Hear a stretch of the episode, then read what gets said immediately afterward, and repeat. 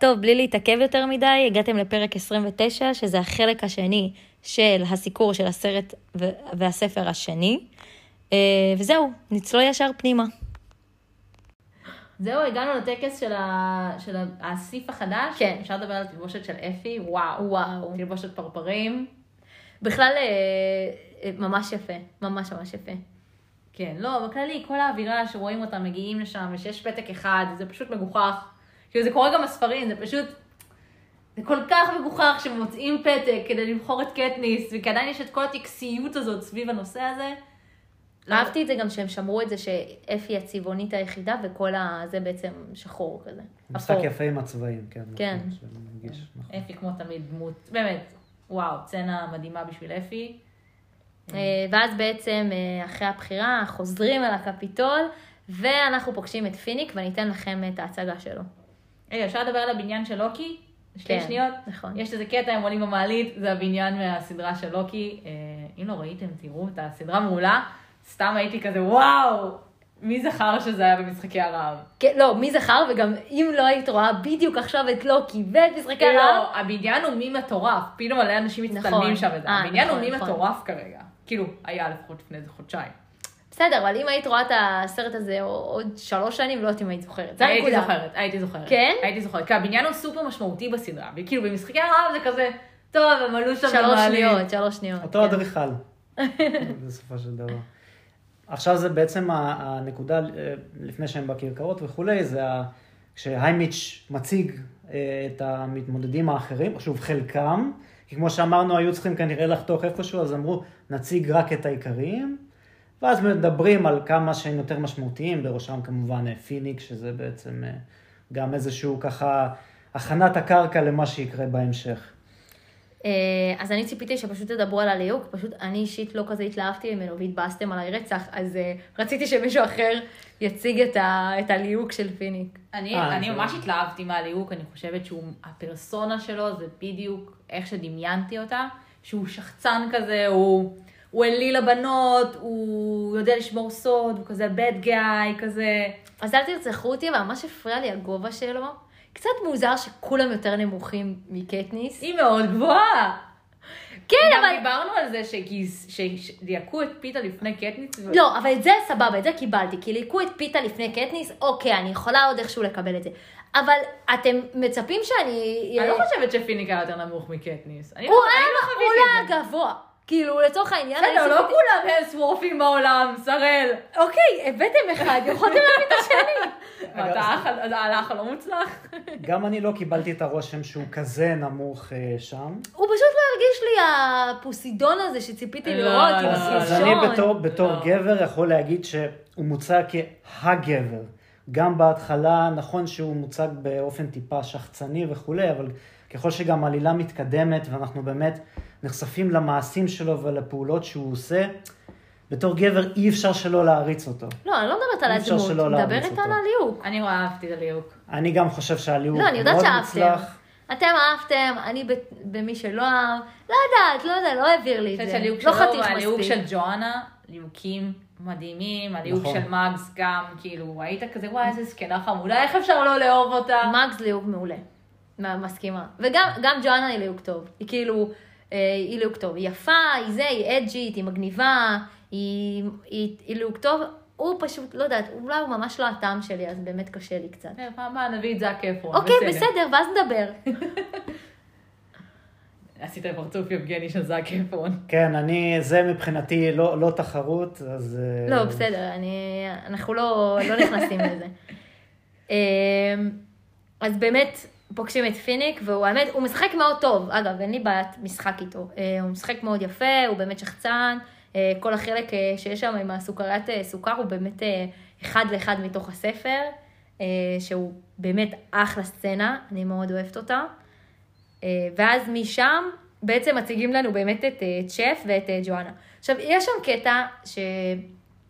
צ'אפ איכשהו מגיע, אז כזה הוא ישר מנשק את קטניס על השפתיים. על השפתיים. אה, גם מאוד מוזר שמכל האנשים החליטו להציג אותו, כי הוא לא משמעותי, אבל בסדר.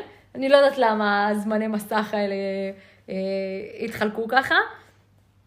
אה, ואז בעצם יש לנו גם את הסצנה האגדית, שנכנסים לתוך המעלית, ו... אה, וג'ואנה מתפשטת ונותנת כל תשומת ליבה לפיתה. אה, וזה מעצבן קצת את קטניס, גם רואים שזה מעצבן את קטניס, אה, באמת סצנה מעולה.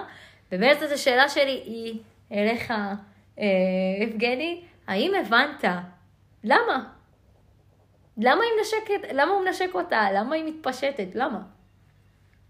אה, אולי נגיע קודם לתשובה, ואז אני אוכל להגיד אה, למה, למה הייתה הכוונה. כלומר, למה היא התפשטה באופן כללי? בכללי, מה אתה חושב? מה, בתור מישהו שלא קרא את הספרים, הרי אני בטוחה ש... שכזה, כנראה, לא יודעת בכלל אם אתה מקשר בין הדברים. האם שתי הדברים האלה בכלל התקשרו אליך? כאילו...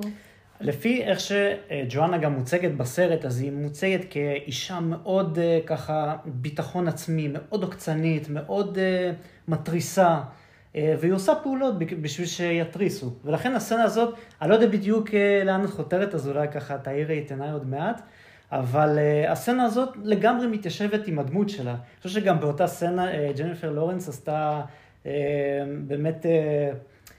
את התגובה שבאמת באמת פגעה בול, בול בנקודה, אני חושב שאם מסתכלים מנקודת מבט של כזה אישה מול אישה, נכון? כן, זה בול. זה, אני לא רוצה אותו, אבל שאף אחד לא תיקח לי אותו. באופן כללי היא אומרת, מה היא עושה זאת? איזה, איזה, כן, איזה משוגעת, מה, מה, זה, מה זה הדבר הזה בכלל? נקודה מאוד אבל יפה. עדיין יש את התמימות של קטניס כזה, מה את מדברת אליי? לא, אף אחד לא דיבר אלייך, קטניס. נכון. כן. אבל אה, זה, זה ממש חלק טוב. בגדול מספרים לנו אה, בספר, מי שזוכר, או מי שראה רק את הסרט, אה, זה שבעצם הם עושים כל הזמן סוג של פרנקים כזה לקטניס, בגלל שהיא כזאת אפטייט כזאת, בגלל שהיא לחוצה כזאת, והיא תמימה, והיא לא, והיא כזה מסתכלת על כל הדבר הזה בסופר אה, אה, ריכוז, ואפילו יותר מדי כזה ממש רצינית. ואז הם פשוט, בשביל הצחוקים, אז המתמודדים מתחילים לעשות לה כל מיני שטויות, סתם בשביל לראות אותה מגיבה, כאילו. זה סתם בשביל לראות את התגובות שלה, זה בשביל הצחוקים כזה. הבנתי, אז אני באופן אישי, זה, זה לא הנקודה שאני חיברתי במהלך הסרט. עכשיו שאני חושב על זה, שאת אומרת, האם בסרט זה נראה משהו שרצו להציג? לא יודע, אולי פעם הבאה שאני אראה, אני אנסה לבחון את הנקודה. נקודה מסוימת אה, שרציתי להגיד על כל התהליך הזה, כל ההצגה הזאת אה, של המועמדים, הוויקטורס, אה, בשדרה העצומה, זה משהו שככה שחשבתי עליו מהפעם הראשונה שראיתי. מלחמת העולם השנייה בכללי זה, זה נושא שהוא מאוד מעניין בעיניי וגם מאוד מי שרוצה להבין מה קורה היום בימינו, נושא שכדאי להתעמק בו, כי באמת אפשר לראות איך הגענו למצב שבו אנחנו נמצאים היום. אז הנקודה משם, בנוגע לכל הטקס הזה, זה מראים שדרה עצומה, בנויה כולה מאבן, אינסופית ממש, שבה נכנסים כל המיועדים. זה ממש הזכיר לי אה, היו תוך, להיטלר ממש תוכניות איך תראה גרמניה באלף, עם, עם אלף שמה באמצע, אחרי כיבוש העולם. הוא רצה לבנות את העיר הבירה הכי גדולה בעולם. היה לו גם ארכיטקט שהוא היה בן אדם מאוד מאוד קרוב אליו, שצייר לו תרשימים שלמים של שדרות אבן ענקיות, אה, שפשוט הולכות לאורך קילומטרים. אז ככה, זה, זה ה vibe שקיבלתי גם, זה היה משהו שהוא מאוד יפה לראות את, ה, את ההצגה הזאת אה, של אז הקפיטול. זה מעניין, כי אנחנו יודעים שיש הרבה השראה מהקולוסיאום ומרומא העתיקה.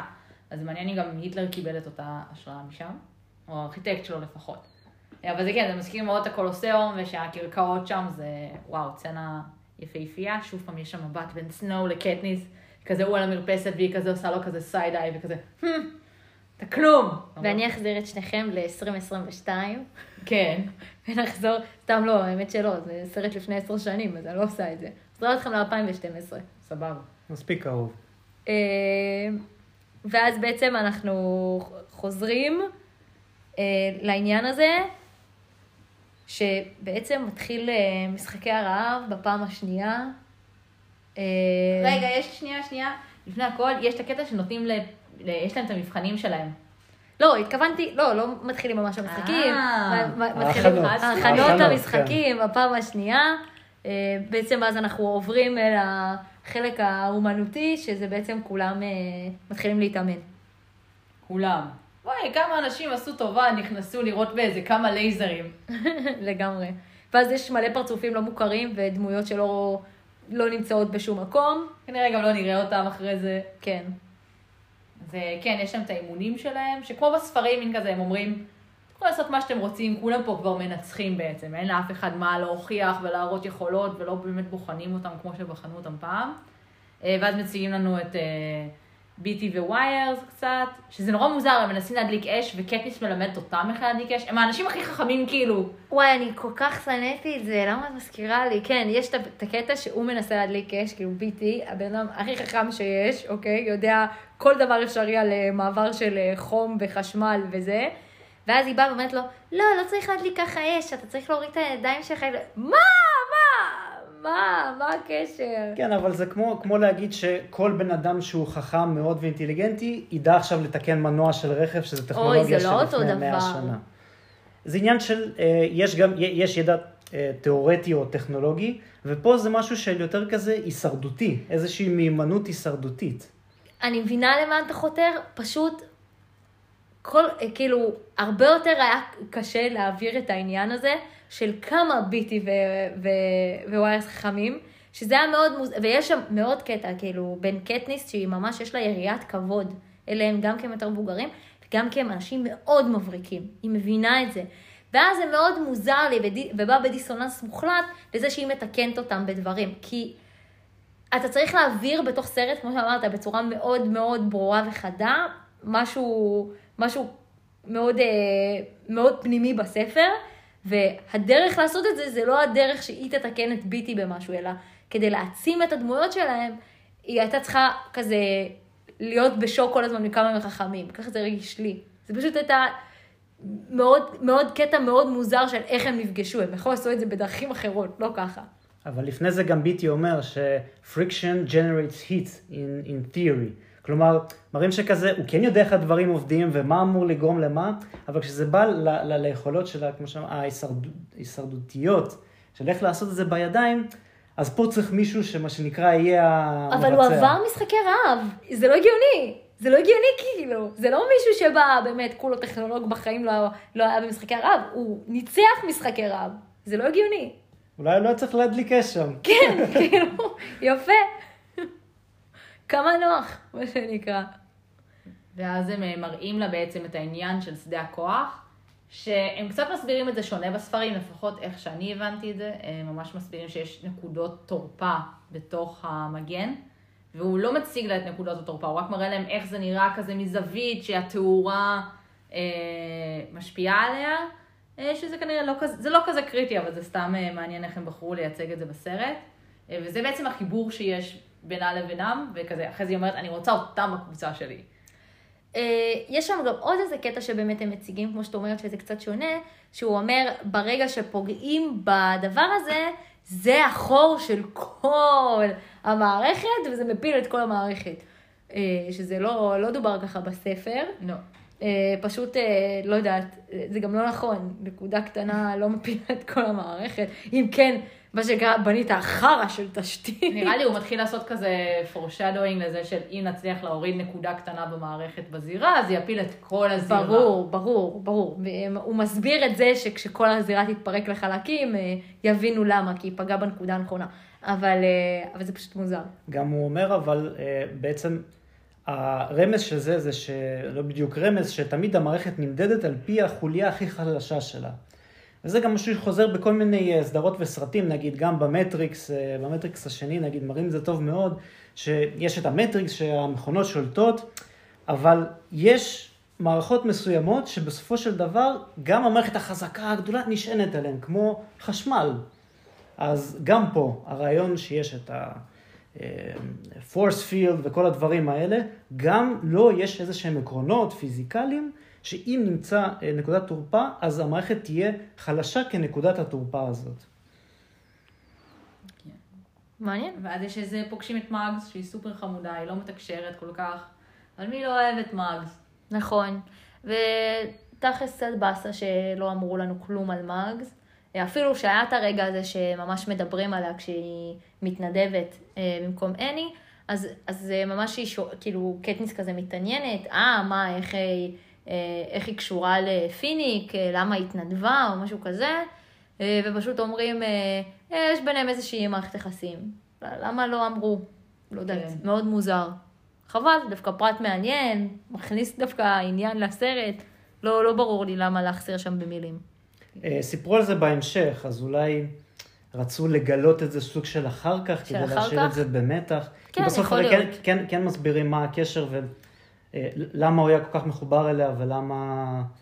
אה, אז יכול להיות שפשוט רצו לעשות את זה ברגע קצת יותר דרמטי של כן, פיניק. כן. אני מסכים שדווקא בנקודה הזאת, בבחירה של, ה, של הסרט, יכול להיות ש... אה, לא, לא, לא יותר מדי היה הבדל אם כן היו מספרים על זה עכשיו. כן, ואז בעצם אה, יש את הקטע שקטניס כזה משוויצה ביכולות אה, ירי שלה. אני חושבת שבספר זה היה יותר מגניב. זה היה הרבה יותר מרשים בספר. אה, בספר בעצם היא מראה לנו את, האפשר... את היכולת שלה לראות... בכמה ב- חצים במקביל. כן, אה, שזה הרבה יותר חזק אה, ממה שקרה שם. אני כן מתלהבת מזה דווקא, שהם עשו את כל הטכנולוגיה הזאת של בן אדם שבא לתקוף אותך ואתה יורה בוחץ. גם יש לציין שזה באמת סרט לפני עשר שנים, ונגיד, היום אנחנו כבר, יש לנו את המציאות המדומה ואת המשקפיים של התלת, כאילו, יש לנו כבר את כל הדברים האלה, ו, ובעצם הם עשו את זה לפני עשר שנים, זה היה מטורף. אז אני יכולה להבין למה הם לא נצמדו לספר בעניין הזה, כי זה פשוט היה הרבה יותר קולי להראות את מה שהם הראו. כן. אה, ורואים את כולם מתלהבים מהם, ואז היימיץ' אומר, היי, כולם רוצים להיות איתכם בברית, זה כאילו, זה אחד לאחד. מה- בואי, לא איתכם, עם קטניס. הוא גם די מסביר את זה שהם רוצים להיות עם קטניס. נכון, לא ברור מה פיתה עושה, גם בספר זה כזה, פיתה הלך, דיבר עם אנשים, לא ברור מה הוא עשה בזמן הזה. אה, לא ברור וכן ברור, כי דווקא אנחנו מודעים לזה שפיתה בשלב הזה מאוד מאוד חזק, הם התאמנו מלא, ולא מציגים את זה. נכון. לא מציגים את זה בכלל, זה די עצוב. כן. אה, ואז החלק שבעצם אה, איימיץ' אומר, אוקיי, רוצים, כולם רוצים להיות בעלי ברית שלכם, ואז קטניס אומרת, אני לא רוצה אף אחד, אני רוצה את, אה, את אלם וזרם ואת מאגס. כאילו זה מה שהיא אומרת. ואז יש שם קטע שפיתה מגלגל על זה עיניים. כאילו אומר, מה, מה, את מפגרת? כאילו משהו כזה, כזה מגלגל על זה עיניים. ואת כזה, מה? זה לא הדמות של פיתה. מה? פיתה לא מזלזל אף פעם בקטניס, הוא לוקח אותה בשיא הרצינות, זה הקטע שלו, הוא היחיד שמבין אותה. זה, זה הדמות, זה הדמות. כמו שיבגני אמר, הוא כזה, כזה אה, סוג של מוותר לה על כל דבר ותמיד חושב שהיא מושלמת, כי הוא פשוט מאוהב והוא עיוור כלפיה. וזה ממש מוזר שהוא מפקפק בהחלטה הזאת, גם מי שפקפק בה היה היימיץ' ולא פיתה, ודווקא היימיץ' זה נראה שכאילו, הוא אומר, אה, סבבה. מה? זה הגיוני. לא יודעת, זה היה לי, זה היה לי קצת חורה, בעיקר כי, עוד פעם, למה לא מציגים לנו את הדמות של פיתה? אני לא מצליחה להבין את זה. כן. ואז אנחנו מגיעים לקטע של אה, ערב הכישרונות, איך הם קוראים לזה? טאלנט אה, שואו. כן, אה, שכל אחד מציג את היכולות שלו. כן. אני חושבת שזה... מצד אחד זה טובה, מצד אחד לרעה זה כזה שלא עשו לנו את כל הקטע שכזה גורמים לנו לחשוב שקטניס מחכה שם הרבה יותר זמן ממה שאני צריכה, שהיא לא יודעת מה פיתה עשה. מין כזה קצת חסכו מאיתנו את הקטע הזה, אבל אני נורא אהבתי את זה שהיא לא ידעה, שהיא מחכה מלא זמן, שהחדר מריח כמו ניקיון, שהיא מר... חושבת שמנסים להסתיר ממנה משהו. שהיא פשוט נכנסת לשם, היא עוברת ליד פיתה, שהם לא אמורים לראות אחד את השני, ואז היא כזה, אה, יש פה ציור של רו על הרצפה. לא יכולת לפחות לנסות לכסות את זה, משהו. אה, גם עוד פעם, אה, אין שום דיבור בשום שלב על, אה, על פיתה מצייר, אז זה קצת מוזר, למה זה מה שהוא החליט לעשות, אין לזה שום דיבור, ואז היא כאילו מתעצבנת ובאמת עולה את, את המנהל למשחק הקודם, ויש שם קטע שממש היה חסר לי, למה האנשים, המנהלי משחק שנמצאים שם, כל החלק שהיא עושה את זה, זה שהם בהלם, שהם לא יודעים שהוא מישהי מת. מתעלפת שם. כן, ופה כזה, פלוטרך נראה כזה, אוקיי, סבבה. ציפיתי לזה. ציפיתי לזה. מה, הוא לא ציפה לזה, הוא צריך להיות בהלם. אני לא מבינה את זה, הוא ממש מנפץ כוס, הוא ממש מתעצבן שהיא עושה את זה. שיש לזה היגיון, כי הוא בעצם רוצה להציל אותה, והיא סוג של יורה לעצמה ברגל. אמ, וגם, עוד פעם, לוקחים לנו את כל הקטע הזה של לדרג אותם. זה לא באמת כזה חשוב, כמו שפשוט זה מוזר שזה לא קונסיסטנטי עם הסרט הראשון. פשוט בגלל שפה זה באמת, ה... כל... כולם מנצחים, אז סוג של כולם עם ציונים גבוהים, slash זה לא באמת מעניין מה הם. כי כל אחד יש לו את היכולות שלו, כן, אבל איפשהו אתה מצפה כן שהם ייצמדו ל- לזה הראשון, וגם, נגיד, הם בכלל לא מראים את זה ש, שהם כזה, שכל המנצחים דווקא מאוד בקטע של כזה fuck it. כאילו, לא אכפת לנו. הם לא באים אפילו בכלל ל- ל- להתאמן. באים איזה ארבעה אנשים להתאמן בקושי, והם מגיעים כזה בקטע של למי אכפת, לא אכפת לנו, נמאס לנו כבר, ואין את זה בכלל בסרט. לא מר... כאילו, מראים את ההבזק הזה רק בלילה האחרון, וממש לטעימה קטנה. גם בס- בסרט הראשון, אה, אני חושב שהסיבה שמראים את זה, זה להראות איך כל הזמן קורה התהליך הרגיל הזה. ובסרט השני אנחנו מתקדמים לאיזושהי עלילה שהיא חורגת עכשיו מהשנה אחרי שנה שקורה אה, במסלול התקין, אז הדברים האלה פחות משנים. כי בסדר, אנחנו יודעים שככה זה הולך, ובסדר, בואו נתקדם לעלילה הר- המשמעותית באמת בחלק הזה. אה, ואז בעצם באמת אנחנו מגיעים ל- לערב עם סיזר, שהוא בעצם מראיין כל אחד אה, בפעם האחרונה. אה, ואז מראים לנו את, ה, את המתמודדים ממחוז אחד, ואומרים שהם אחים. לא זכור לי גם. מאיפה הקטע הזה בכלל? גם למה ששני אחים יתנדבו? ולא הגיוני, גם ש... מה הסיכוי ששניהם נבחרו? לא יודעת. ממש שהם מעלה לי מלא. שאלות. או משהו מוזר. אבל לא, למה? למה ששני אני- אחים אני- יתמודדו? אני- למה שהם הם- ירצו אנשים נורא תחרותיים. אבל ירצו לרצוח אחד את השני? כן. לא, במשחקים שונים. לא, לא, הם עכשיו שני אחים באותו משחק. כן, כן. אבל... אה, אתם מתכוונות עכשיו, כן. במשחק הזה. כן, למה אני ששניהם חושבת שהם רוצים? להוכיח מי הילד היותר טוב לאמא ואבא. חד וחלק. לא, אני חושב שהכוונה שהם התנדבו במשחקים שלהם, ועכשיו שניהם עלו בהגרלה. אני, אז זה נראה לי מאוד מוזר ששניהם עלו בהגרלה.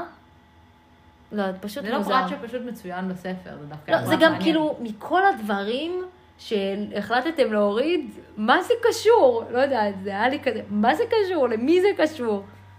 זה היה מאוד מוזר. אה, אה, ואז היה את כל הקטע שיש לנו בתוך הספר, שבעצם אה, גם אני ואת דיברנו עליו, על העניין הזה שבוחרים לקטניס את שמלת הכלה. אה, זה קורה ממש בהתחלה, זה ממש תחילת הספר, זה היה ממש התחלה שלו. ודווקא זה היה חלק סופר טלוויזיוני לפי דעתי, למה לא עשו את זה, את כל ה makeover הזה שהיא מודדת מלא מלא שמלות משוגעות, והקפיטול צריך לבחור את זה וזה. אה, זה היה קצת מבאס. עם כמה- כמה שהסרט הזה ארוך ויש בו המון דברים, אני כבר, את יודעת, אנחנו מדברים על המון, ואנחנו חווים המון, ועכשיו נכון. סיימנו לראות את הסרט, ואני כזה, טוב, יש, צריכים להוריד הרבה דברים, המון דברים, או לעשות כזה שלושה סרטים על כל ספר. זה אחד מהשניים. מבינה, אבל קצת מרגישה לפעמים שבסרטים של משחקי הרעב, הם קצת התמקדו יותר מדי בעלילה, אולי כי באמת היה יותר מדי עלילה, ו- ו- ואיפשהו לא נתנו לחלקים הפאן נכון. אה, אה, יותר אה, דומיננטיות, שזה חבל. זה, זה הקטעים שדווקא רציתי לראות, רציתי לראות את אה, כל המתמודדים מנצחים במשחקים, רציתי לראות אותה מחליפה מלא שמאלות, רציתי לראות כאילו כל מיני דברים כאלה קטנים שאני אומרת לעצמי, מה, יכולתם לעשות משהו מזה, זה כזה כזה מאוד fun כזה גם לסרט. אה, אז כנראה שזה היה קורה אם היו עושים מזה סדרה, נכון. ולא סדרת סרטים. היום, דרך אגב, נראה לי היו עושים סדרה אני גם סרט. חושב, אני גם חושב. יש איזשהו shifting שמבינים שבשביל לתת את העומק ואת הדברים אקסטרה שיגרמו לאנשים להבין מה קורה, כדאי אולי להשקיע בסדרה של אפילו אם זה סדרה של עונה אחת של עשרה פרקים. אה, כן, אבל לא היו מוותרים על סרט בשום שלב, היום, עד היום סרטים הם יותר שוברי קופות. נכון, פה זה כן איזשהו בלוקבאסטר כזה סרט מאוד מרשים, כן. מאוד אה, גרנדיוזי. כן, אומרים שעכשיו אולי בגלל הקורונה זה כן ישתנה כל, ההסתכלות על סרטים, כי זה לא מצליח כמו פעם, שהיה יוצא סרט וכולם היו הולכים לקולנוע. היום כזה יש את כל התחרויות של כל הנטפליקס וזה שהם כזה מתחרים אחד בשני, אז, אז אולי היום זה שונה באמת הסדרה מול סרט. מעניין האמת. אה, אני דווקא חושבת שהם עשו מאוד טוב את כל הנאומים של, ה... של המיועדים. אה, אני חושבת שהם באמת הראו את הזעם ואת התחכום. את יודעת, היה כאלה שהיו יותר כזה straight forward על הזעם שלהם, כמו ג'ואנה, והיה את אה, בידי שגם אמר לגבי החוק. פיניק נגיד, הם קצת איבדו אותי שם, כי מין כזה, רומזים על זה בספר שהוא מדבר, ולא ברור למי הוא מדבר, שהוא רוצה לדבר לכל הבנות שהוא דיבר איתן אי פעם, שקצת בסרט זה מרגיש לי, אתה מדבר לאני, כאילו, בוא, אתה לא עובד עליי, כאילו, ברור. נכון, נכון, אה, ממש אמרת, אה, ציפיתי לראות בסרט, כאילו כשראינו את הסרט, ציפיתי לראות עכשיו מלא בנות מתעלפות, וזה לא קרה, ואני מסכימה איתך שזה היה מאוד חסר, כי זה היה מאוד לא ברור למה הוא אומר את הנאום הזה. אבל שמעו את זה ברקע. כן? כן, ש- אבל שמעו יכולנו לעשות לך ברקע. איזה שתי שניות של בנות כזה, אוי פיניק, אהבת חיי, אה", כזה מתעלפות. בסוף רצו הרי להתמקד בכוונה, עשו כזה את הקלוז-אפ, נכון, לפנים שלו, ושהוא מדבר כזה מהלב, ממש לאהובת חייו, שהנה הוא נפרד ממנה כי הוא הולך למות במשחקי הרעב. כן, אבל הרעיון היה שאין אהובה אחת, זה היה הרעיון, שכאילו, שכל אחת חושבת שהוא מדבר עליה בתוך הקפיטול. זה היה צריך להיות מאוד עוצמתי בקטע של כן, בנות להפסיק את נאבקות המשחקים. לעלות לבמה, אוי, פיניק, אהוב ליבי, הוא ממש כזה כוכב רוק. גם מסבירים לנו מאוד בספר שהוא כל לילה עם, עם כמה אנשים אחרים, גם גברים, גם נשים, הוא לא בוחל באמצעים, מה שנקרא, אז גם הנאום עצמו היה צריך כזה, גם לא להיות לאהובת ליבו, אלא כאילו הוא ממש מדבר על זה שיש לו איזושהי אהבה מאוד גדולה, שלא יצא לו לממש, ו, והרעיון הוא לבלבל את הקפיטול, שכל אנשי הקפיטול, גם מה, מהאנשים הגבוהים ביותר עכשיו, הת, התרעמו. אני חושב אה, שבגלל שדווקא הייתה מישהי ספציפית, זה נותן קצת יותר תחושת הזדהות. גם נגיד כשאישה רואה את זה, אז היא אומרת, יואו, איזה מתוק הוא, כל כך אוהב את אהובת ליבו, איך זה יכול להיות שככה מפרידים ביניהם? אני דווקא ראיתי את זה מהנקודת אבל זה הקטע. של קטניס ופיתה, דווקא הקטע שלו כן. זה שהוא פלייבוי. זה כל נכון. הקטע שלו, שהוא פלייבוי, הוא חסר רגשות, אתה פתאום כזה, למה שהוא כאילו יהיה בכלל בברית עם קטניס? זה כזה, כל אז- הדמות שלו היא שונה לגמרי. אז פתאום מגלים בו איזשהו צד אה, ש- שהוא גם כזה, שהוא בסוף יש מישהי אחת שהיא בשבילו. אבל את זה אנחנו מגלים בכל מקרה אחרי זה. נכון. זה, זה, לא, זה לא הרגע, מה שנקרא, אני מסכימה עם, נכון. עם הילד, זה היה כזה לא הדמות שלו, זה לא מה שציפית לראות ממנו בחלק הזה. אמ, אבל כל, כל שאר הזה הם כן, אה, כן נחמדים. אה, גם כן מצליחים להעביר את העניין הזה של בואו נבטל את המשחק. זה כן נהיה יותר ברור. אני תגיד שסיזר, עם כמה שאני אוהבת אותו, הוא צחק שם מלא, גם רואים שלא קשה להעביר.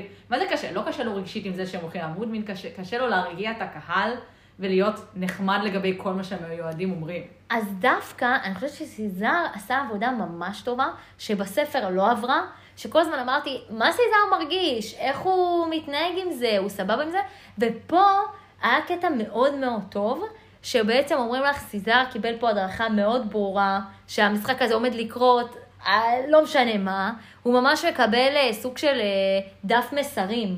מה צריך להגיד, לה, להעביר את זה במהירות, אה, כשמישהו מעלה איזשהו אה, אה, אה, סוג של טענה כלפי, ה, כלפ, כלפי הקפיטול וכלפי המשחק הזה, הוא ישר כזה אה, מריץ את זה הלאה, צוחק מזה, אומר, זה לא יקרה, כאילו, אה, גם הוא נבהל, הוא גם נבהל כזה, הוא מבין שזה לא בסדר, הוא מבין מה צריך לקרות וזה לא קורה, ודווקא אני חושבת שזה היה הרבה יותר טוב מהספר, המשחק של סיזר. אני חושבת שהיה קטע שאמרו גם משהו טוב על סנואו, נראה לי זה הקטע עם קטניס, שהיא אומרת משהו טוב על סנואו, וסיזר כזה, כן, סנואו הוא המלך, סנואו הוא מדהים כזה, הוא ממש נכון. ביתר התלהבות. ביתר התלהבות, וגם יותר מזה, נגיד, בס, בספר, אני ממש זוכרת שממש התרעמתי על זה, שאמרתי לך, לא הבנתי למה סנואו מבקש שהיא תלבש את השמלה, זה לא ברור בכלל.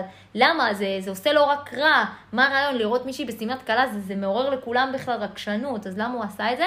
ואז בעצם כשהיא עולה אה, בסרט, הסיזר ממש מסביר לנו, סוג של מאכיל אותנו בכפית, הוא אומר, אה, סנואו אה, יודע שעכשיו לא תהיה חתונה, והוא לא רצה למנוע מאנשי הקפיטול את ה... לראות אותך בשמלת כלה, ובגלל זה הוא ביקש שתלבסי את שמלת כלה, אין על סנואו, הוא מלך, הוא תותח, הוא תמיד דואג לקפיטול.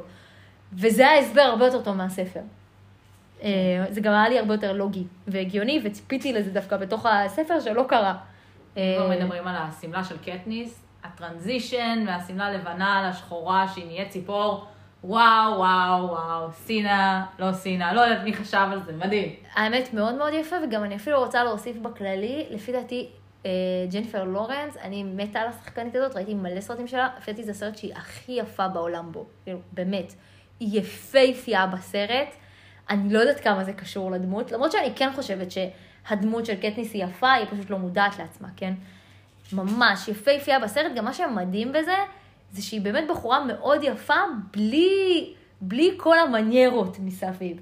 כאילו, למרות שמלבישים אותה וזה, אבל היא לא הבחורה הבלונדינית עם עיניים הכחולות, עם החזה השופע, כאילו, היא לא, היא לא הדבר הזה שכזה כולם מכוונים אליו, אלא היא בחורה מאוד מאוד פשוטה, מאוד מאוד יפה. אה, אני מתה על זה. אני גם אוהבת בג'ניפר לורנס. אה, כן, יבגני, ממש- מה אתה חושב על- על ג'ניפר לורנס? ליהוק מאוד מוצלח, עשתה את התפקיד באמת בצורה ממש טובה, באמת. אבל יפייפייה? או לא? בעיניי, או האם לא, ביחס, בעיניך, מה, ביחס אנחנו לדמות? מדברות, מדברים פה בסוף... אה, אני לא אהבתי את אה, פיניק, בטוחה שמלא אהבו. אני חושב שמה שנקרא לזה יפה בה, זה. באמת, זה שהיא כל כך מעניינת, זה שכל כך מסקרן לדעת מה קורה איתה. כלומר, היא לא כזה אה, מנסה להתייפייף, או כל מיני דברים כאלה, או מישהי שכזה מציגים אותה בחלון ראווה, אלא ה... אני לא יודע אם מסתורין, כי יש אולי נשים שהן כזה מסוגלות יותר מסתוריות ממנה, אבל יש איזשהו, איזשהו משהו מעניין שכזה קורץ לך, שאתה אתה לא לגמרי יכול להבין איך, איך להשתלט על הדבר הזה. שהוא מושך. שהוא מושך, כן, זה, זה משהו שהוא תמיד מושך גברים, איזשהו עניין. כי אם משהו מאוד מאוד בנאלי וקל ופשוט, אה, גברים הרבה פעמים אה, כזה משתעממים מאוד מהר. אה, קורה. ופה זה לא, זה, זה לא העניין. אני חושב שזה, היא הצליחה להעביר את הדמות באמת בצורה ממש טובה. שהיא כאילו בחורה מורכבת, והעניין של המורכבות זה מה שמאוד מושך. כן, המורכבות וגם זה, זה שהיא לא באמת כזה, "אה, כזה פוצי מוצי כזה וזה, אלא אישה, אישה, אישה גם חזקה סך הכל, שיש לה דעות משלה, היא עשתה את זה באופן ממש טוב. עוצמתית, עוצמתית. כן. אני דווקא אהבתי את הטאץ' שנותנים שסנואו כזה צופה ב- בסינה, שכזה אומרים סינה וואי איזה שמלה יפה ורואים את סנואו כזה, אוקיי, בסדר, זו המטרה הבאה שלי, זה היה טאץ' נחמד. חשוב מאוד לא, אבל אם הוא כבר בסרט, טאץ' נחמד. לא, דווקא הוא כן חשוב. הוא כן, אה, אהבתי את זה, כי זה מאוד, דווקא מאוד בילדאפ למה עומד לקרות. כן, דווקא מבחינה הזאת זה נכון. אה, אני אהבתי את זה גם. אה, מה גם שנגיד קטניס עד חלק מאוד, אה, אה, עד, עד אה, חלק מאוד אה, מאוחר של, ה, של החלק הזה בכלל אה, לא חושבת על זה. הרגע שהיא חושבת על סינה הוא ממש בסוף. שהיא בעצם אומרת, רגע, הוא עשה לי את השמלה הזאת, הוא עשה אותי אורבני- חקיין, הוא לא הקשיב לסנואו, זה בעצם הרגע שנופל האסימון שהוא עשה משהו נגד הקפיטול, וגם זה הרגע הזה שהיא מבינה שהיא לא לבד במלחמה הזאת. אה, שזאת מלחמה שהרבה רוצים, גם בתוך הקפיטול, שזה מדהים. אה, חייב להתחיל מהקפיטול, זה יהיה מאוד קשה להפיל, מאוד קל להפיל דברים מבפנים מאשר מבחוץ. זהו, ואז באמת יש את העניין הזה של החלוקה, של הצמידים והטיליון, וכל זה, ואפי מחלקת להם את זה. סופר מוזר, כי בעצם בספר זה לא קורה בכלל, אפי לא נמצאת. אה, והצמידים הם מחלקים אותם עוד ברכבת, לפני שהם מגיעים לקפיטול. מין כזה גם כל הקטע של הצמיד זה שהם נותנים גם כאילו אחד לפיניק, אחד לג'ואנה, לכל האנשים שנמצאים איתם באותו צוות. אני מצאתי את זה מאוד מבלבל, לעומת, כאילו גם, גם בסרט זה מאוד מבלבל.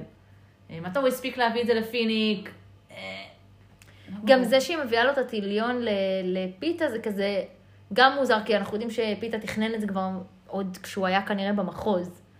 אה, אז זה גם קצת מוזר. וגם את העלית עוד נקודה ממש טובה, בזמן שראינו את הסרט, אמרת שיש שם חלק ש...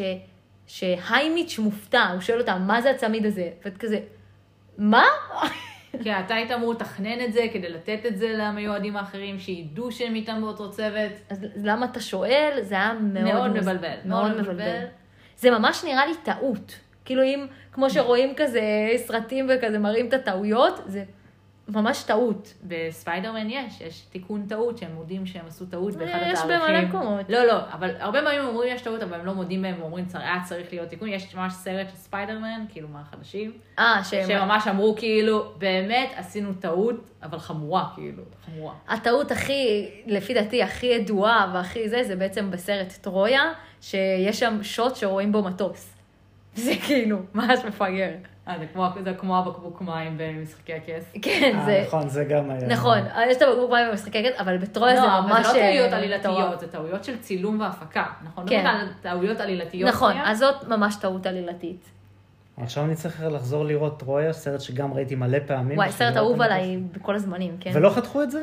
לא, לא, הם, הם קלטו את זה רק ב- באולמי הקולנוע, אנשים העלו צילום של זה, יש ממש כזה סימון של, ה, של המטוס שעובר מאחורי ברד פיט, אה, זה מדהים. כנראה שברד פיט, אז הוא משך את כל תשומת הלב, כן, פשוט שם לא שמו מה לב. לזה, זה... אבל זה ממש מצחיק. זה, זה לא גדול, זה לא מטוס גדול, אבל זה עובר, כאילו, זה לא ציפור. זה מטוס. זה כמו הציפור של, אה, של, של מחוז 13, מאחורה, שאף אחד לא שם לב שזה סרטון בלופ. נכון. שבכלל לא מציגים את לא זה. מציגים את זה בכלל, לא מציגים את אה, זאתי וזאתי, את... כל, אה, כל הדילמה של אה, מחוז 13 לא קיימת פה, היא פשוט אה, מודיעים עליה בסוף, מה? לא, בכלל לא, אין את כל העניין הזה של מחוז 13 קיים, לא קיים, את כל ההתלבטות הזאת לא קיים. כן. אה, ואנחנו, יש את הצמידים, ואז אנחנו ממשיכים עם סינה כבר אה, ישר לתוך אה, הקרב, או בעצם לזירה. אה, העניין שזה טאץ' נחמד, הוא מסביר לה על הבגדים, שזה בדיוק מה שקורה בספר, זה בדיוק, אנחנו מנסים להתכונן מראש איזה סוג זירה זאת. אני דמיינתי את המדים שונה לגמרי, גם לא הייתה להם את החגורת ציפה. נכון, לפי דעתי הם. לא עשו את זה אגב, כי זה לא טלוויזיוני, פשוט לא יפה. יש מצב. יכול להיות. מאה אחוז. גם המים לא היו נראים כזה עמוקים בסרט, אני חייבת להגיד. נכון. בכלל לא הראו את בעיית השחייה, נכון. שדוברה ב- בספר, על זה שבעצם רוב המחוזות בכלל לא יודעים לשחות, זה לא דובר בכלל. כן, ואז קורה הקטע הטראומטי שהיא בעצם נפרדת מסינה, והם אומרים כזה שלום, להתראות, הוא מדביק לה את הסיכה על, ה... על היד, ומכסה אותה עם כפפה.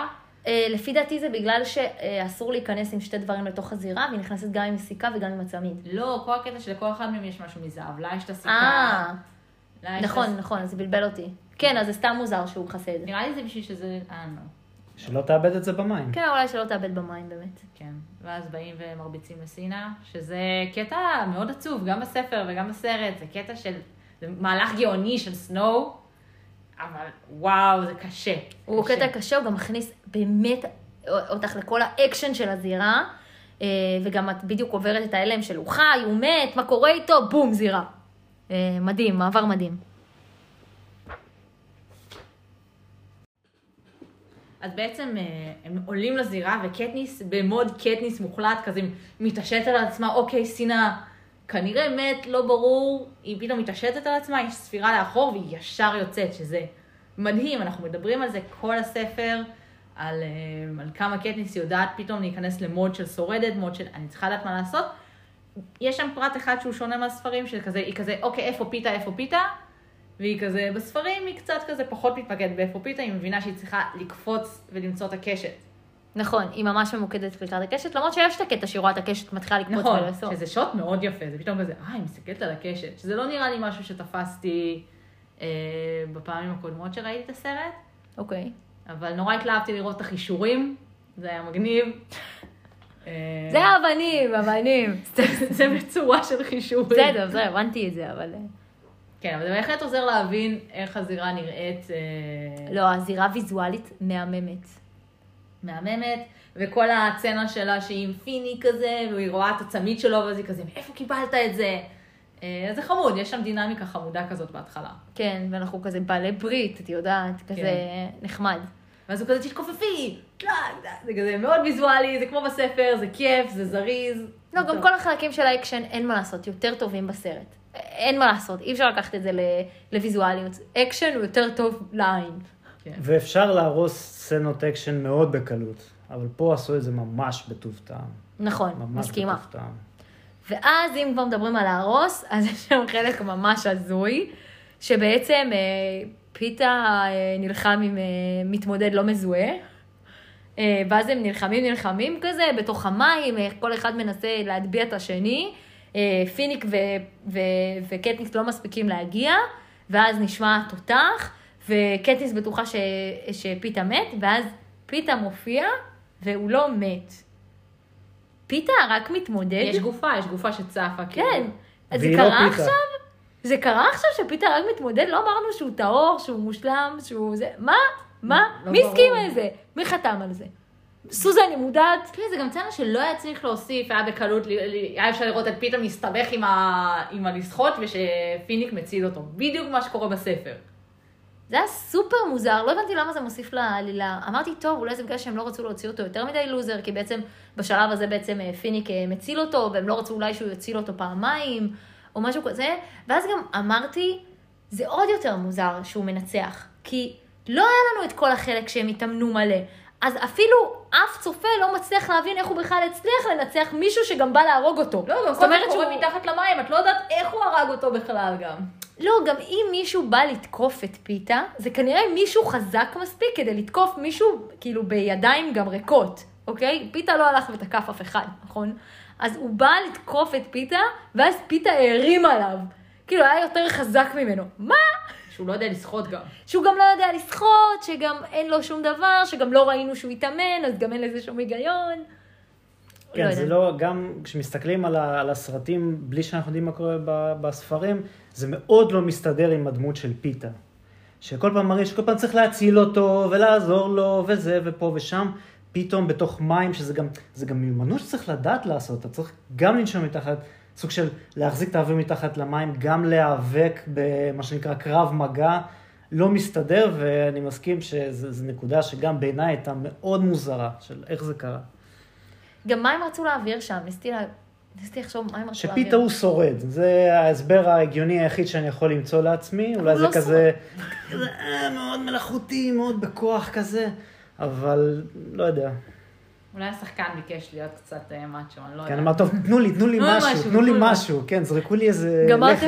הר- הרגתם את הדמות שלי, אז משהו. משהו בקריירה, תשאירו לי. שיקחו אותי לאבא. טוב, ואז משם הם באמת אה, אה, בורחים משם, אה, מגיעים ליער, הם אה, בעצם באיזושהי ברית, יש גם את מאגס, גם את אה, פיניק, אה, גם פיתה וגם אה, קטניס. אה, ואז הם מתחילים לטייל ביער, ובעצם יש לנו את כל העניין הזה ש... שפיתה פוגע בשדה כוח. יש שם קטע, אגב, שקטניס שמה לב לפניו, אני לא יודעת אם מישהו מבין, נגיד, למה היא צועקת, לא, פיתה, שנייה לפני שהוא באמת נפגע. אה, אם באמת מבינים שהיא מזהה את השדה כוח. אני הסתכלתי ואני כזה, אבל לא רואים- לא- לא רואים שהיא לא רואה רואים, משהו. לא רואים שהיא רואה משהו. משהו. לא הבנתי, לא, לא הבנתי אם מישהו שצפה בזה באמת מבין איך היא צעקה את זה לפני, או שפשוט לא שם לב. אולי זה יכול להתחבר לנקודה שראינו אה, במתחם אימונים, שביטי כזה מראה לה, לא, זה זה. זה, הציפינו זה, זה. שאנחנו נראה משהו. אבל ציפינו שנראה משהו, ואז זה יקרה, זה לא קרה. כאילו, אין... אז, אז אני פשוט חשבתי שמראים שהיא ראתה. שאולי נגיד אנחנו לא ראינו, אבל מראים שהיא ראתה. קצת מוזר. אה, אה, עכשיו, שנייה בעצם לפני שזה קורה, אז יש את החלק שהם בעצם צריכים לעבור לילה אחד ביחד, ואז, אה, ואז בעצם אה, אה, פיניק אומר, טוב, אני, את, אתם תשמרו קודם, ואני אלך לישון, משהו כזה, נראה לי שזה קרה אחרי, לא? או שזה קרה אחרי. קרה אחרי, כי- כי פיתה לא יכול לשמור, אבל זה לא קורה. נכון, נכון. אוקיי, אז, אז בעצם יש שם קטע שממש הוא הולך לישון, פיניק, ואז ממש זה מוזר, למה קטניס לא הורגת אותו? עד לאותו שלב אנחנו ממש רואים בכל הוא הסרט. הציל את לא, אבל היא פיתה. כבר חייבת לו. נכון, נכון, אבל אה, אה, רציתי להבין אם זה ברור למישהו שלא קרא את הספרים, כאילו, אם זה ברור, למה היא לא הורגת אותו. כי זה היה מאוד תמוה בסרט. אמרתי לעצמי, אם אני לא הייתי קוראת את הספר, לא היה שום שמץ של מושג למה היא לא הורגת. למה? קטניס לא הורגת את מי שלא בא להרוג אותה, זו תכונה שהיא מאוד כזה ידועה לגבי קטניס. וגם היא רואים לא ש... הרגה אף אחד שלא בא לתקוף אותה. נכון, וגם רואים שפיניק אה, בעיניה כבר סוג של הוכיח את עצמו שהוא בעל הברית שלה. וש... אה, ושהיא גם מבינה שבסוף היא צריכה אותו כי הוא מתמודד סופר חזק. והוא הציל כבר את פיתה, שזה... זה פשוט היה מוזר לי להבין אם באמת כזה מבינים שהיא לא הורגת מעכשיו את, אה, את פיניק בגלל פיתה בכלל. כי גם בסוף יש את הקטע שהיא בסוף הרי רוצה לראות בפיניק, וזה, וזה כאילו צריך להבין את זה שהיא רוצה לראות בפיניק, כי היא חושבת שהוא הרג את פיתה. נכון. אז, אז כאילו לא, רציתי לדעת אם זה באמת אה, ברור. כן, ואז בעצם גם מגיעה מגופה. מגיע המצנח עם המתנה שהיא ישר יודעת למה זה משמש. אה, אנחנו אפילו לא מתעכבים על זה לא אין לשנייה. זמן, אין זמן. זה כזה, זה לתוך העץ, אה, מים, איזה כיף לכולם. כן. המחמוצי. כן, גם אה, כל הקטע עם השעון, זה כזה, אה, שעון, כן, קל, זה כזה, דברים שלקחו, אולי נכון. לא כזה הרבה זמן בספר, פתאום כזה קטניס, היא נהיית. גאון עולם. נכון. אז, אה, אז באמת, כל החלק הזה של הזירה הוא כזה מתקדם לנו מאוד מהר. אה, מיד, מיד אחרי אה, המגופה בעצם קטניס שומרת, ואז נהיה עשן, ואז הם בורחים ממנו. יש שם קטע מאוד מוזר, שכשהם מצליחים לברוח, מגז מקריבה את עצמה, ואז הם רצים ובורחים. אה, והם מגיעים לאיזשהו חלק בים, וזה לא החוף. הם לא מגיעים לחוף, והעשן עולה למעלה. וזה מה זה מוזר לי. זה החלק של הקופים, הם הגיעו ל- ל- לחלק הבא. אה, הם מגיעים כאילו, אה, הם סבבה, רצו נכון. הצידה, לא למטה. נכון, כמו ואז, שאתה אמור לעשות כשאתה בורח מדברים.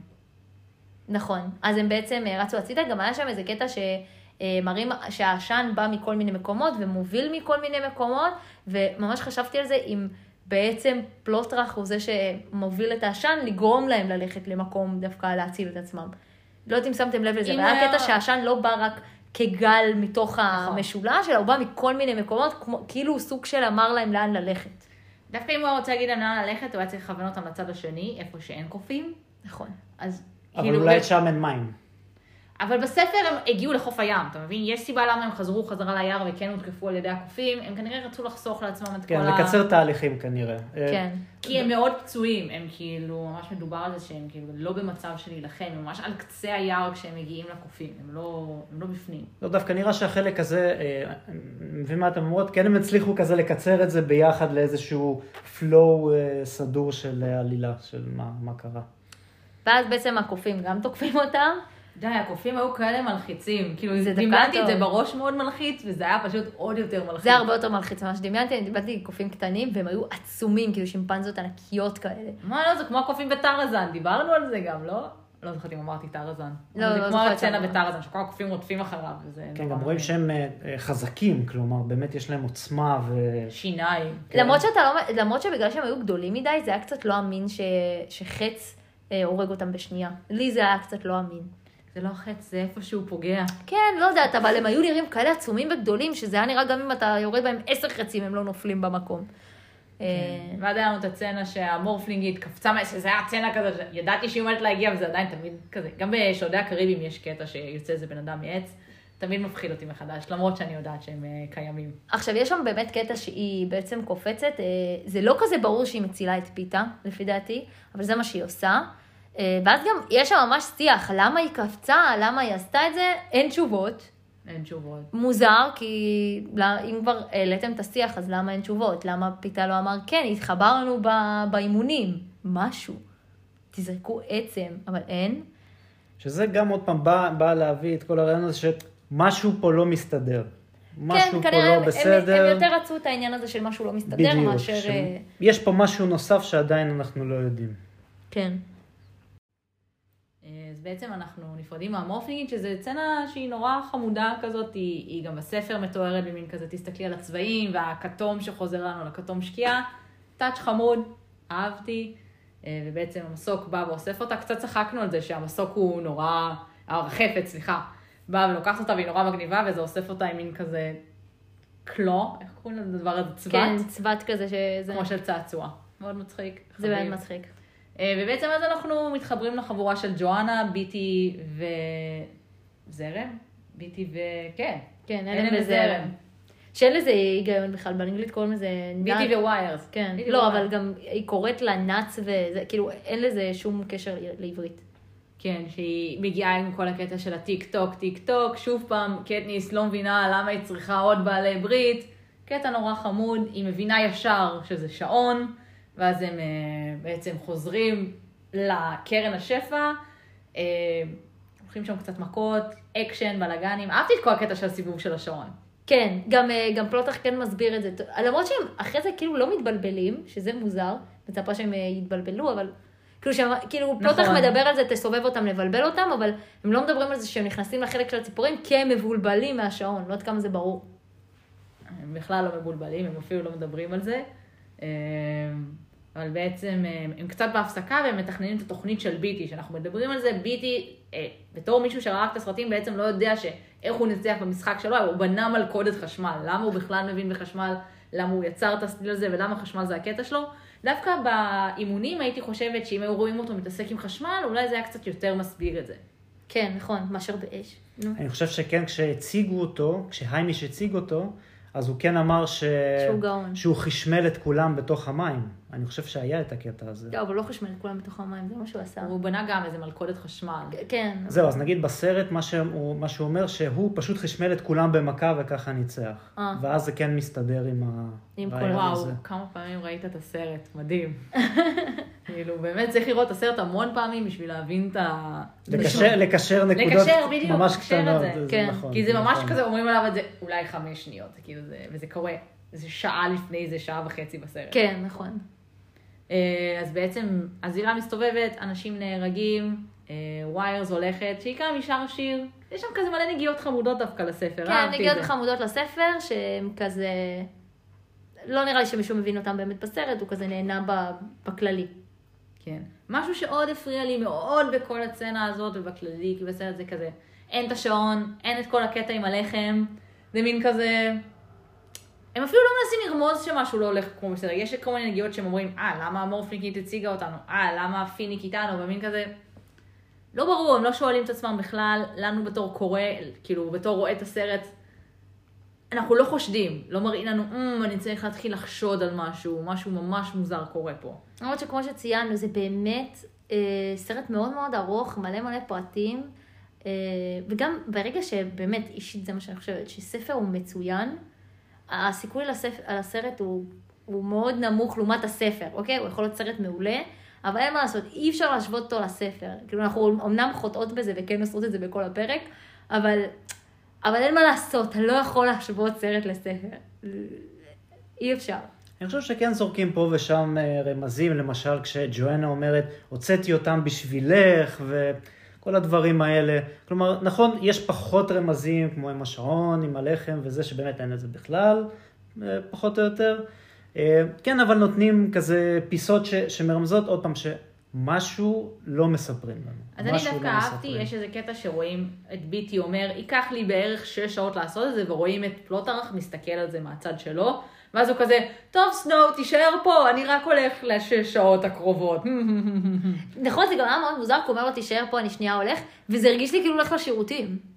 לא, זה הרגיש כאילו עכשיו הוא הולך לצאת מהבניין כדי ללכת, כאילו, לא, זה הרגיש שהוא עומד לברוח, כן? אבל זה מרגיש שהוא אומר את זה לסנואו, כאילו, אני שנייה הולך, אני כבר חוזר כזה, אתה יודע, הפסקה של איזה רבע שעה. אבל תכלס, סנואו נשאר שם שעות, ולא עולה לה שום שאלה של... אה, למה אני נותן לזה לקרות? כן, איפה המנהל משחק? אז אני פשוט חשבתי שהוא סוג של כזה, טוב, המשמרת שלי בינתיים נגמרה, אני הולך לנוח, בינתיים יש את האחרים שישלטו, אני, אני הולך לישון איזה כמה שעות ואני אחזור. אז כאילו, באח הגדול, אז זה ממש ידוע שהאח הגדול נמצא שם כל הזמן, ואז גם אפילו בשעות שהוא הולך לישון, או שיש לו איזשהו זה, אז יש ממש אה, סגן האח הגדול שמחליף אותו בשעות האלה, אבל זה ממש ידוע שאתה כזה בתור האח הגדול, אתה סוג של דדיקיידד. באופן מוחלט לזה, ברמה של שלושה חודשים אתה חי מחוץ לבית, וכל מה שאתה עושה, כאילו מחוץ לבית שלך, וכל מה שאתה עושה זה לחיות בבית של האח הגדול, ובאמת להיות איתם כל הזמן. ואתה מצפה שאישית, אוקיי? ש, שהמנהל משחק, הוא יהיה בדיוק כמו ככה, כאילו הוא יישן שם, זה הרמה. גם בעיקר שרוב האנשים שם יש להם אקדח לרקה, אז אתה עוד יותר מצפה לזה.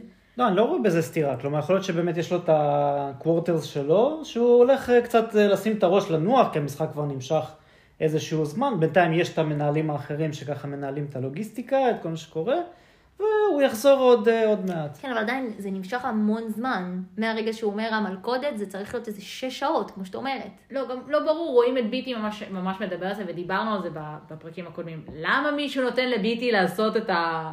כאילו את המלכודת הזאת ללא אקסטרה פיקוח, כאילו זה איך לאף אחד זה לא מטריג נורה אדומה, הבן אדם הזה סופר חכם, איך הוא הולך להרוס לנו את הזירה. זה זרם חשמל לא הגיוני. אה, כן, אבל דווקא יש פה את העניין הזה שדווקא כן מועבר טוב, שסנואו הוא כל כך ממוקד בלהרוג את קטניס, שהוא לא רואה כבר כלום. זה מן העניין הזה שאתה סוג של עיוור אבל למה דווקא זה שקורה כבר. לא להרוג את קטניס, זה נהיה כזה לראות את קטניס הורגת את חברים שלה באיזשהו שלב. זה גם נהיה החלק הזה, למרות שאין אותו בספר, אבל נגיד. אה, אבל גם לא אכפת לו, הוא כבר במקום של רק שתמות. כבר לא אכפת לי את מי תהרוג, לא אכפת לי איך זה יקרה, לא אכפת לי כלום, רק שזה יקרה כבר. הוא ממש כזה אחוז דיבוק לזה. גם התוכנית סך הכל, ה, ה, נקרא לזה ההצגה, היא די הגיונית, נכון? כלומר, יש את הזרם הזה שהולך לעבור מהמכת בריה שתבעק בעץ, בשביל לחשמל את שלושת החבר'ה שנשארו חוץ מהם. סך הכל נשמע הגיוני. וגם זה מגניב, נכון? בוא, בוא נראה איך זה יעבוד סך הכל. כן, אני גם חושבת שגם היה שאמרנו מאוד, גם. כן, מאוד חלק כזה שאתה אומר, וואי, זה פשוט מעניין, כאילו גם אפילו בתור צופה זה מעניין. גם אתה רואה שסנואו יושב שם כאילו איזה שעה שלמה ורואה את זה, כי זה ממש מרתק מה קורה. דווקא להפך, הוא חושב, אהה, ברגע ששלושתם ימותו, זהו, זו הקבוצה שנשארה, מה הם יעשו עכשיו? הם צריכים להרוג אחד את השני. נכון, הוא ממש לא לוקח בשום שלב את העניין הזה שהולכים ל- ל- לשבור לו את הזירה. זה ממש לא לא משהו שהוא... צופה את זה בכלל. כן, נכון. זה גם הגיוני, כי הוא כאילו, מה, הוא מנהל את המשחק הזה, זה 60 שנה כבר. זה, מאיפה אתה יכול בכלל לחשוב על משהו כזה? 74. לא, אני מניחה שהוא לא בן אה. 74. אנחנו נגלה את זה, אבל... נכון, אנחנו נגלה את זה, אבל הנחתי שהוא כזה בן 60, ואז הוא מנהל את זה איזה 60 שנה. עדיין לא מאמינה שלא קראתי את הספר הרביעי. אנחנו נגיע לשם. אני לא מאמינה. אה, ובעצם אנחנו ממשיכים לתוכנית, הם מגיעים לעץ, הם מלפפים את העץ, האמת שזה נורא יפה לראות אותם מלפפים את, ה, את כל העץ, וזה בדיוק איך שדמיינתי את זה שזה קורה בספר. זה גם פי זה מיליון יותר טוב בספר, כי בספר זה מה זה קשה להבין כל מה שקורה שם. כן. אה, ובעצם עוד פעם גורמים לנו להתפצל, שזה כל פעם מכעיס אותי מחדש, ועכשיו עליתי על נקודה עוד יותר טובה, עכשיו שסיימנו לקרוא את הספר, זה כזה, הם לא היו צריכים להביא את הכבל עד הים בשביל לפוצץ את השדה כוח. בואי נפתח את זה שנייה. אבל זה היה חלק מהתוכנית, רגע, מההצגה. שנייה, אם אנחנו מדברים שנייה על תוכנית, לא מדברים על העלילה של מה קרה בסוף, אם אנחנו מדברים על התוכנית של ביטי ללהרוס את שדה הכוח, כל מה שהוא היה צריך זה שברק יפגע בעץ, ויפגע בשדה הכוח, ושמישהו יחבר את המקל לשדה כוח, כי זה מה שהפיל את ביטי בסוף, נכון? לא היה צריך, הכבל לא הונף עד הים בסוף, זה לא מה שקרה, והשדה כוח נפל. לא היה צריך את כל זה, לא היה צריך להפריד ביניהם, לא היה צריך לעשות את כל הדרמה הזאת. אבל יכול להיות שהם רצו גם לבלבל את המשחק. כאילו, את כן, מנהלי בסוף, המשחק. כן, הכל בסוף מצולם וסנואו מסתכל, סנואו מסתכל. אז הוא יכול להגיד להם, תטפסו פה על עץ, תלפפו את זה סביב משהו, I don't know, כאילו, לפצל אותם ברמה כזאת שזה מרחקים, וזה בג'ונגל, וקשה להגיע, וזה זה מה שנקרא שטח שקשה להתנועע בו, זה כזה, זה מאוד, זה מדגיש את מה שדיברנו עליו, זה מרגיש שזה מאוד בשביל העלילה, כאילו... זה גם מאוד, לפי דעתי זה כן מכוון שהם לא רצו להציל את פיתה. יכול להיות שבסוף זה כזה אה, בא בעוכרם, אבל יש מאוד הרגשה שהיה מאוד נוח אם פיתה ימות. להרבה צדדים, כאילו, לא יודעת. משהו מאוד מאוד מוזר אה, בהפרדה הזאת, היא מאוד מלאכותית, ורק בגלל שאולי אני תופסת תורה מסוזן, אז אני אומרת, אה, אולי יש פה איזה משהו שאנחנו לא מבינים עד הסוף. אני גם מצפייה בסרט, זה באמת חלק, שהם גם שואלים אה, סוג של מה, למה אנחנו לא יכולים להישאר אה, או ללכת אני וקטניס, אה, כלומר קטניס ופיתה, ואני מודה שגם מהתשובות לא ממש הצלחתי להשתכנע למה, למה שזה יקרה. אז בספר זה יותר משכנע, כי בספר בעצם הם ממש מסבירים את זה שפיתה יש לו רגל מברזל, כאילו הוא הולך ממש לאט, ואז הם אומרים, צריך לפרוס את החוט הזה כמה שיותר מהר, גם ככה אנחנו כבר קצרים בזמן. אה, תלכי, פשוט שג'ואנה ו- וקטניס הן סופר מהירות, הם ילכו שנייה לפרוס את זה וניפגש, כאילו, ויהיה בסדר. ואז זה כן נורא הגיוני, דווקא קטניס ישר אומרת, כן, זה הגיוני, וכזה ברגע שפיתה טיפה מערער על זה, אז היא אומרת לו, אין זמן, לח-" אז הוא גם, גם ביטי אומר, אין זמן לחשוב על זה, זה עכשיו קורה, זה עכשיו צריך לקרות. פשוט הנקודה היא, זה שהם משכנעים אותם להיפרד, עוד זה עוד עוד מילא. זה עוד מילא. אני פשוט לא מבינה למה להפריד ביניהם, למה מלכתחילה, זה כמו שאני לא מצליחה להבין גם למה לא לספר להם על התוכנית, זה גם מוזר לי. אז, אז העניין הזה של למה להפריד ביניהם מאוד מלאכותי, למה היה בכלל צורך בזה? חוץ מעלילתי שאנחנו רוצים שקטניס ו- ופיתה לא יהיו ביחד בספר השלישי. זהו. לי יש עוד שאלות על השבבים. כאילו, הם הוציאו מקטניס את השבב. א', האם פיניק וג'ואנה הוציאו מעצמם את השבבים? כאילו, למה רק מפיתה מוציאים, מפיתה, מקטניס מוציאים את השבבים? מישהו הלך להוציא את השבב מפיתה? כאילו, איך מוצאים אותם? גם נגיד, הם מדברים על זה שיש הרס ומהומה, והם לא יודעים, איך הם יודעים מאיפה לאסוף את קטניס בסופו של דבר? הדבר היחידי שהם יכולים בתוך הג'ונגל הזה למצוא מישהו זה על פי שבב. אה, מבחינת- לא, זה הגיוני שהם מורידים לה את השבב, אה, אני מניחה שגם התוכנית לא קרתה כמו שהם רצו, אה, וגם יכול להיות שכזה ביטי כן סגר איתם על איזשהו זה, שהיא תהיה שמה או תהיה, בפ... לא יודעת, משהו כזה, אבל דווקא זה שמוצאים אותה ממש, ממש מהר זה כן נורא ברור, כי היא זאת את שיורה, לא, כי היא זאת שיורה את החץ, אז זה מאוד ברור למה הם מוצאים אותה ממש מהר, והיא הראשונה שמוצאים אותה גם. כי הנקודת שבירה היא קרתה בדיוק מהנקודה שהיא הייתה בה באופן כאילו ישיר. רגע, אבל זה בסרט. בספר, אם תזכרי שנייה, הנקודה היא מאוד קרובה לעץ. גם ביטי הוא עף מהשדה כוח שליד העץ. והיא מזהה את הנקודה הזאת והיא יורה את החץ לשם. היא יורה את זה בקו אנכי ולא למעלה. אז ההבדל בין הסרט לספר פה הוא מאוד גדול. נכון, מאוד גדול. אה, את יודעת לא למה הוא אמר לה לרוץ? רק עכשיו הבנתי את זה. הוא לא רצה שהיא תהיה ליד העץ כדי שהיא לא תמות. נראה לי נכון. שהם היו בטוחים שהם מקריבים את עצמם והם ימותו. אף אחד לא הבין שהם יצאו מזה בחיים.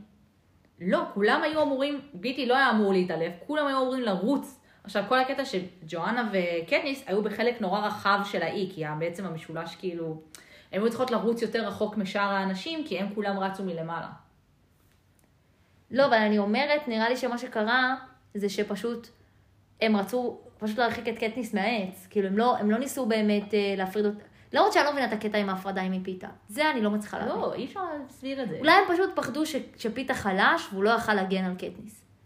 אה, וגם הוא לא ידע להוציא לה את, ה, את, ה, את, ה, צ'יפ. את הצ'יפ. לא, ג'ואנה לא ידע- הייתה מסוגלת להוציא לה את הצ'יפ לי, כאילו אם פיתה היה שם כנראה. כן, גם נכון. הוא לא הייתה מסוגלת להוציא את הצ'יפ, וגם הוא לא היה חלק מהתוכנית, הוא רק יכל לדפוק אותה, הם לא רצו פשוט שהוא ידפוק את התוכנית. אבל איך בשנייה שהוציאו לה את הצ'יפ, כאילו...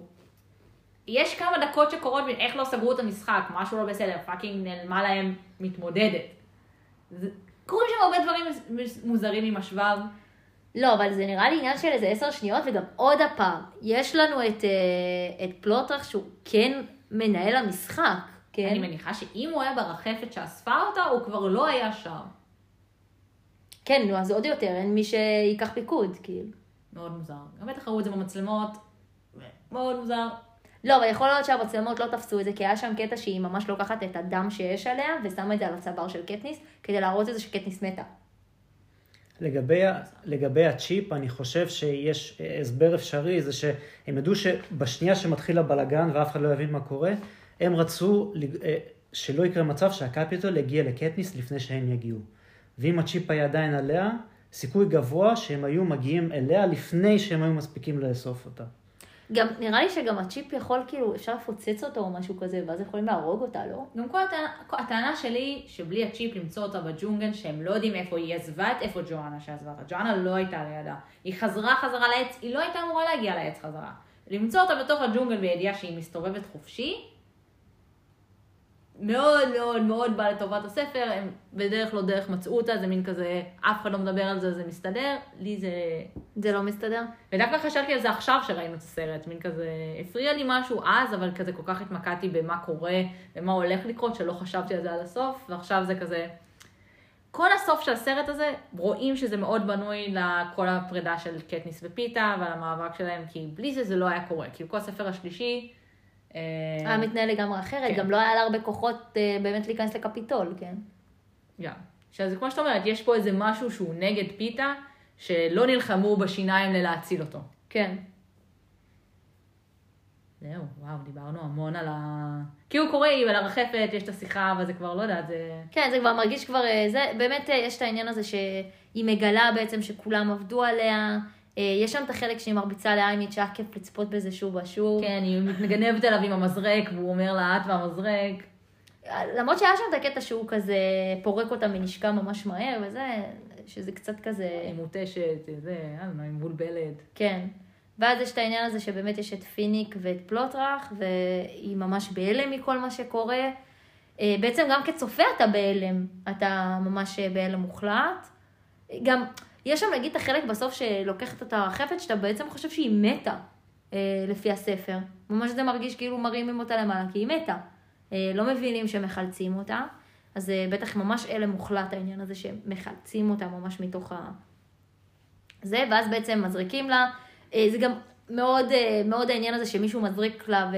אה, גם, יש שם קטע שממש פלוטח אומרך, את עכשיו תהיה עורבני חקייה, אנחנו צריך אותך למודל וזה, הוא כן מכין אותנו לזה, וגם כשמזריקים לה את החומר, זה ממש ברור לנו שהיא כלי משחק.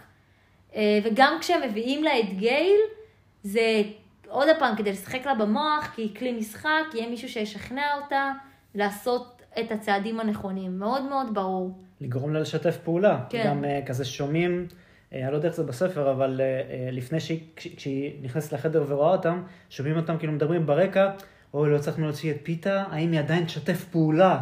ממש כזה אומרים את זה. נכון, בספר זה אה, בכלל לא ככה. אז לדעתי זה, זה, זה איזושהי נקודה ככה נחמדה שהוסיפו.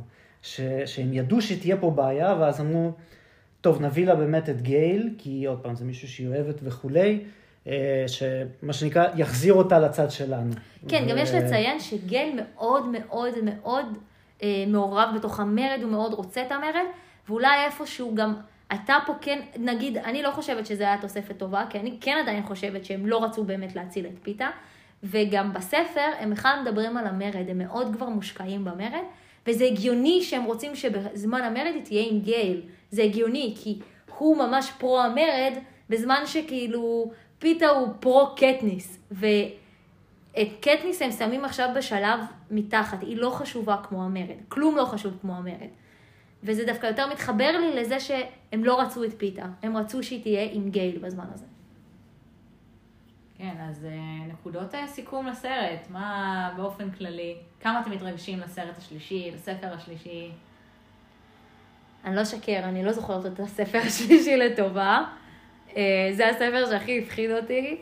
אה, אני מתרגשת מצד אחד שיש פאקינג עונה שלישית לפודקאסט, לא חשבתי שנגיע עד, עד הלום, אה, אבל, אבל אני, אני קצת בחרדה מלקרוא את הספר השלישי. לא רק עד הלום, גם עם, עם התגובות שאנחנו מקבלים, ואנשים שעוזרים לנו ומביאים לנו כל מיני רעיונות חדשים לדבר עליהם.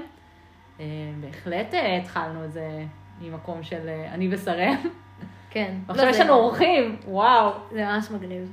כן, אז אני רק אגיד שכמו שאמרתי בהתחלה, חלק הספר, השני, הסרט השני זה באמת החלק האהוב עליי בסדרה, ואני חושב שבוצע בצורה הטובה ביותר. אז קודם כל הייתי, מאוד שמחתי לבוא בחלק הזה, כי זה גם החלק שהכי נהנה לדבר עליו. מה זה נהנה? בחלק... הגזמנו. כן. בחלק השלישי יש איזשהו באמת, אה, נקרא לזה, shift גם ב vibe של כל הסדרה הזאת, לפחות בסרטים, שבאמת אנחנו, שקורה בהרבה סדרות, אנחנו עוברים למשהו הרבה יותר אפל, הרבה יותר ככה... לא ברור, מאוד כזה קיוסי. מאוד פוליטי גם. מאוד פוליטי שקורה. מאוד בוגר, זה מאוד בוגר. פוליטיקה בדיוק. זה משהו שאתה מגלה בגיל מאוד מאוחר יחסית. אני אישית ממש זוכרת שבתור ילדה, נכון, אומרים פוליטיקה, אתה לא מבין את זה, ממש עד גיל מאוד מאוחר. לי זה אפילו גם לקראת, כאילו, גיל 20 ומעלה, שממש התחלתי להבין בכלל איך העולם עובד, מה זה פוליטיקה, על מה מדברים, על השחיתות, על זה, זה, זה משהו מאוד מאוד בוגר, שילד ממש לא מבין אותו. כן, אני גם חושב שפה מתחילים הניצנים אה, של הרעיון של כמו שאתן גם אומרות הרבה פעמים, אין פה כזה דבר שחור ולבן. הדברים הם לא כאלה בעולם, וגם לא פה. ופה אנחנו מתחילים לראות את הניצנים של הסיפור הזה, שאולי נגיד לא ראינו בחלק הראשון, חלק השני הוא באמת מתחיל את זה. וגם נקודה שהייתי רוצה אה, להעלות, זה שתארו לעצמכם אם הסיפור הזה היה כל הסיפור של משחקי הכס, משחקי הכס, משחקי הרעב, היה מסופר מהצד של הקפיטול. איך זה היה מוצג? האם לא היו אומרים, יש פה חבורה של טרוריסטים שפשוט רצו לרצוח אותנו, את דרך החיים שלנו, את הנאורות שלנו וכולי? אה, יכול להיות. יכול להיות, זה... נכון, זה, זה מאוד עניין של איך אתה רואה את זה, כי אני בטוחה אפילו אם ניקח את מדינת ישראל, אה, הרבה פעמים אנשים רואים את תל אביב אה, כבאמת הרוע בהתגלמותו, זה נותן אה, לכל העשירים, לכל האנשים הכי, אה, לכל אנשי הרוח האלה וזה, אה, שהם בעצם שולטים במדינה, כל אלה שקיבלו את האדמות הכי שוות, שיש להם את הכי הרבה כסף, ובעצם שולטים לנו במדינה, והרבה אנשים חושבים שמגיעים גם למקומות הכי גבוהים, שכאילו הכל מושחת, גם המערכת משפט, גם המשטרה, גם הזה, גם הזה.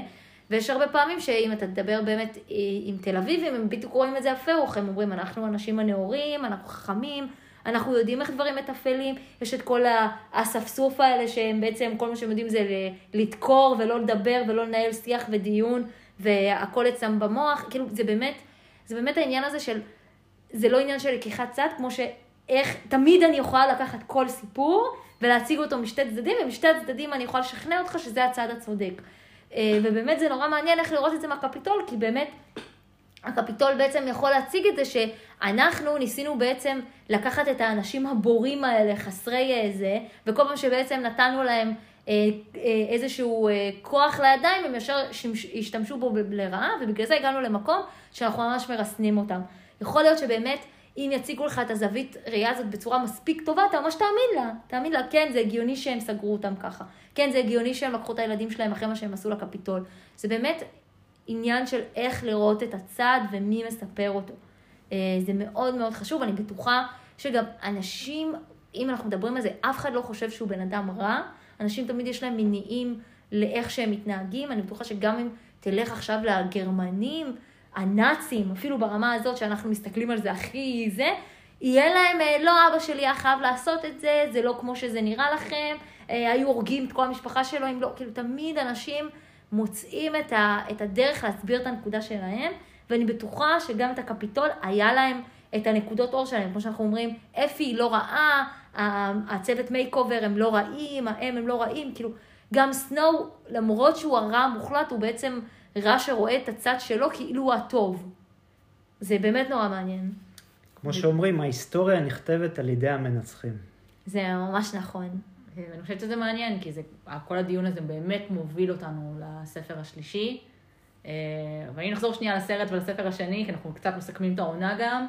מאוד נהניתי מהספר השני, מאוד נהניתי מכל התחכום והרמזים וזה, למרות שקצת הכילו אותנו בכפית, זה הספר האהוב עליי.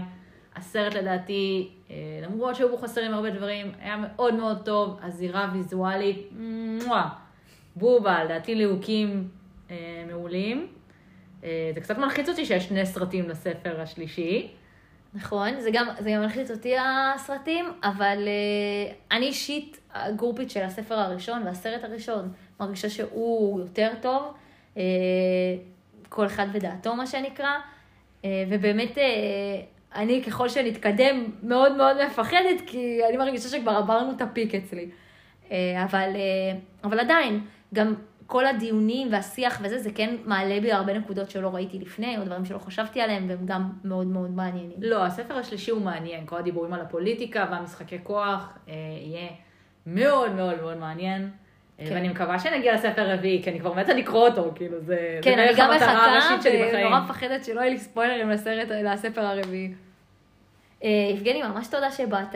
תודה רבה שהזמנתם אותי, ממש נהניתי. כן. כן, זה היה נחמד לקבל את כל ה... גם היה הרבה נקודות גבריות שנגיד לא חשבתי עליהן בכלל, והייתי כזה, מה? כזה. מעניין אם עוד אנשים הרגישו את זה.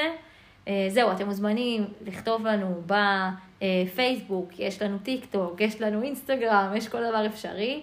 אה, זהו, שמחים ממש שאתם מאזינים, ונתראה בעונה הבאה. וופו!